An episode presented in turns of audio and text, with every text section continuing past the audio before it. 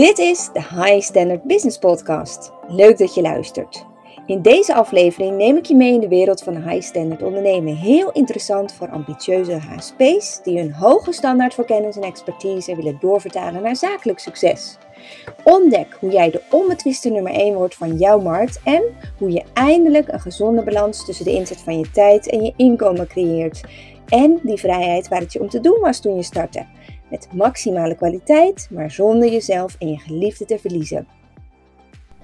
Hoe kun je nou een goede prijs voor je product vragen?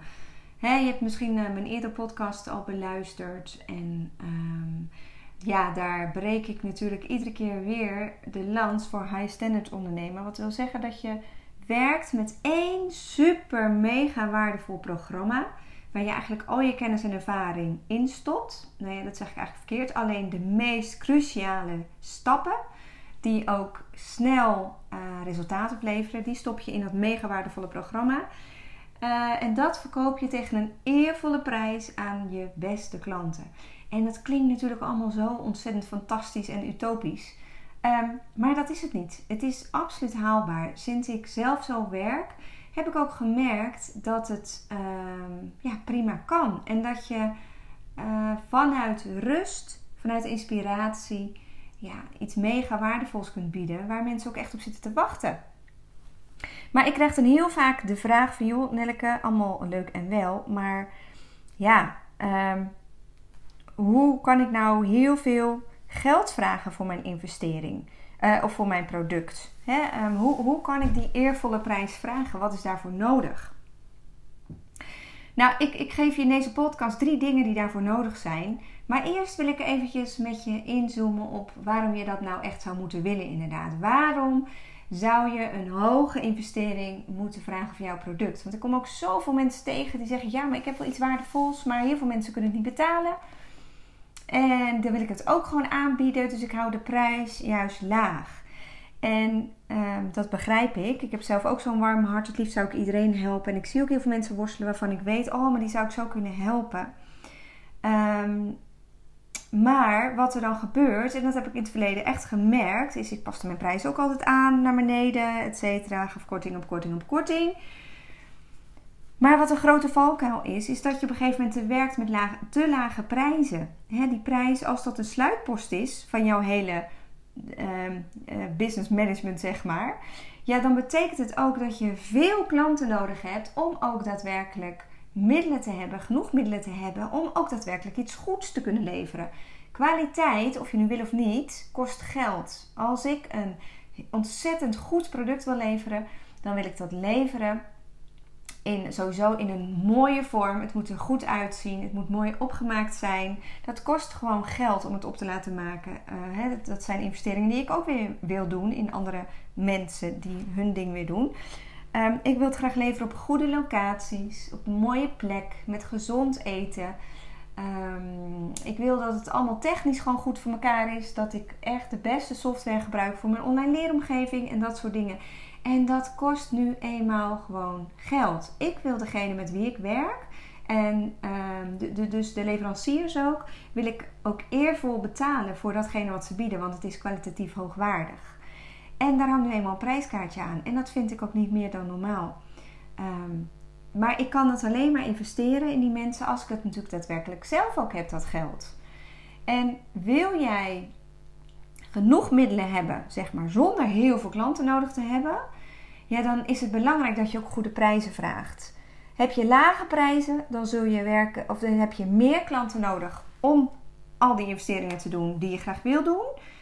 Moet je ook veel meer doen aan marketing, wat ook heel veel geld kost. Um, advertentiekosten zijn enorm gestegen. Um, er zijn ook steeds meer conculega's, in, zeker in het lagere segment, waar je um, nou ja, niet tegenop moet boksen, maar waar je rekening mee moet houden. Dus je komt veel minder makkelijk aan veel klanten tegenwoordig uh, dan vroeger. En um, ja, weet je, ik, ik weet niet hoe het met jou zit, maar al die massa's met mensen, als je daar tegelijk mee werkt, als je heel veel klanten nodig hebt, bij mij gaat het ten koste van de persoonlijke aandacht die ik kan geven. Um, en dat wil ik niet. Ik wil echt kwaliteit leveren. Ik wil dat de mensen met wie ik werk, dus de klanten die ik heb, ook echt daadwerkelijk grote resultaten halen. en ehm, ze daar ook het allerbeste voor bieden. Dat kan alleen als ik ook een eervolle prijs vraag voor mijn ehm, product. Nou, wat is er nou voor nodig om een goede prijs te kunnen vragen? Ik denk dat je dat sowieso al bereikt door de focus te verleggen van volume, hè, van veel klanten, naar kwaliteit. Kwaliteit van kwantiteit. Dat is het allerbelangrijkste. Dat is de rode draad. Want bied jij kwaliteit en ook echt grootste resultaten, ja, dan rechtvaardigt dat ook het prijskaartje. En dat is de eerste wat nodig is om een hoge prijs te kunnen vragen. Je product moet prijswaardig zijn. Niet een hoge prijs omdat je gewoon veel geld wil binnenharken. Nee, een hoge prijs omdat je ook echt kwaliteit levert. Het staat in verhouding tot wat een ander krijgt. Dat is het eerste wat ik je mee wil geven. Het product moet de prijs waardig zijn. Wat ook nodig is, is zorg dat je dus echt de allerbeste resultaten geeft. En dat mensen de investering minstens 10 keer terug kunnen verdienen. Ehm, ik weet bijvoorbeeld dat mensen met mijn oplossing, als ze het businessmodel gebruiken wat ik gebruik, en wat speciaal voor HSP's ook echt gewoon goed werkt, ja, dan weet ik dat ze minstens een ton op jaarbasis kunnen verdienen als het niet meer is. Ja, dat maakt dat ik ook een eervol prijskaartje aan mijn eigen ehm, eh, eh, product kan hangen. Ik weet wat het allemaal ehm, ja, mogelijk kan maken, ook voor de ondernemers die ik help.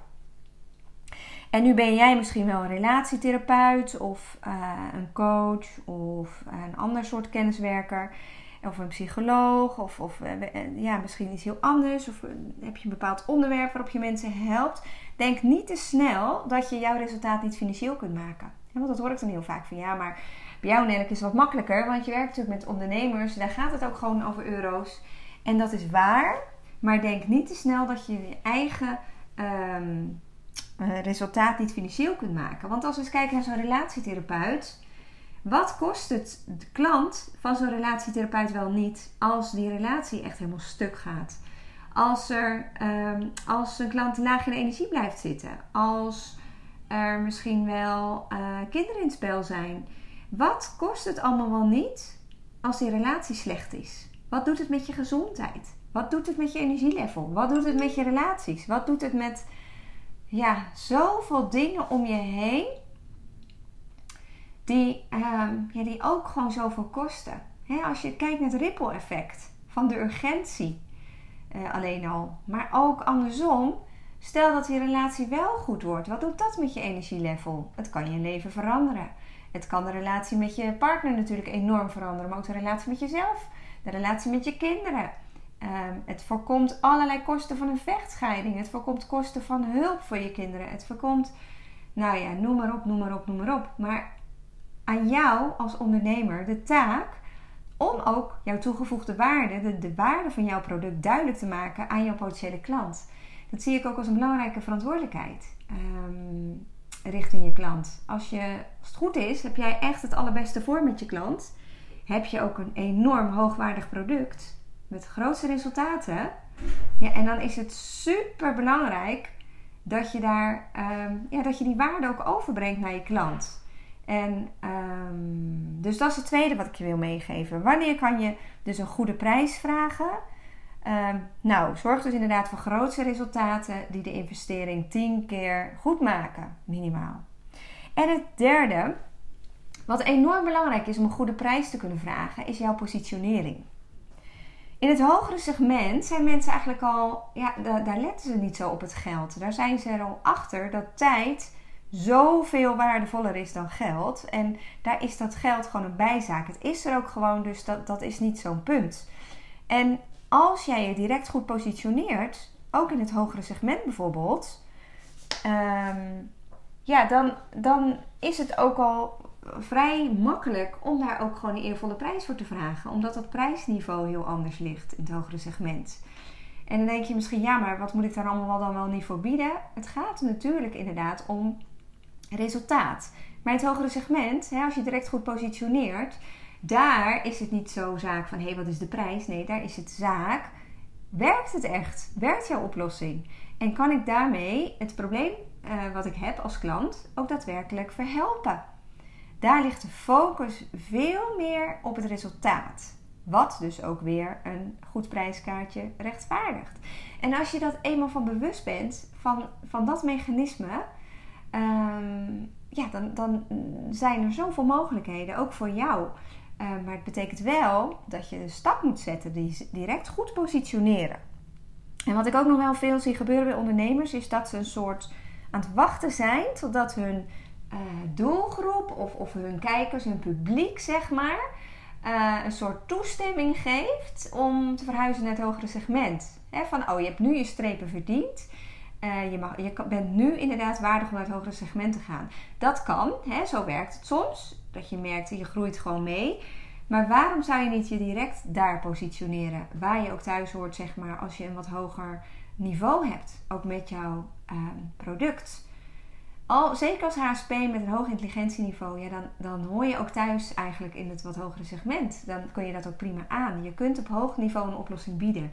Dus wees daar niet te bang voor, maar zet zelf ook die stap door daar te gaan zitten en je daar te begeven en daar zichtbaar te worden. Um, dat maakt het al een stuk makkelijker weer. Je hoeft niet jezelf afhankelijk te maken van allerlei andere mensen. Je kunt ook zelf ervoor kiezen om je op een bepaalde manier te positioneren. Nou, dat zijn zomaar wat ideeën die een goede prijs ook rechtvaardigen, zeg maar. Of, of die, die ervoor zorgen dat een hoge prijs ook mogelijk wordt. En ik hoop echt uit de grond van mijn hart dat ik hiermee kan inspireren. Want ehm, ja, weet je, als jij ook gewoon een eervol prijskaartje aan jouw product hangt, dan zul je merken dat er gewoon zoveel meer balans komt in je hele bedrijf. dan, dan ben je niet zo constant hard aan het werken, al je energie en je tijd aan het inzetten, terwijl je bankrekening achterblijft. Daar moet een balans in zitten. Daar mag een balans in zitten. Ehm, als jij op een hoog niveau opereert, je geeft al je kennis, je geeft al je tijd, dan mag daar ook financieel iets tegenover staan. Dat is, dat is de uitdrukking van de waarde die je, die je levert. Hè? Dat drukt zich uit in je bankrekening. En dat begint ermee dat je zelf op waarde leert schatten. En ook de dingen faciliteert die nodig zijn, ook om, om dat niveau ook jezelf als ondernemer neer te zetten. Nou, ik hoop dat ik je hiermee heb kunnen inspireren. Uh, tot zover deze podcast en heel graag tot in de volgende episode. Hey, daar ben ik nog even. Heb jij een goed lopend bedrijf, maar wil je heel graag groeien, weet je alleen niet hoe? Prik even een momentje in mijn agenda. Heel graag spar ik met je mee en ik zie er naar uit om je even te spreken.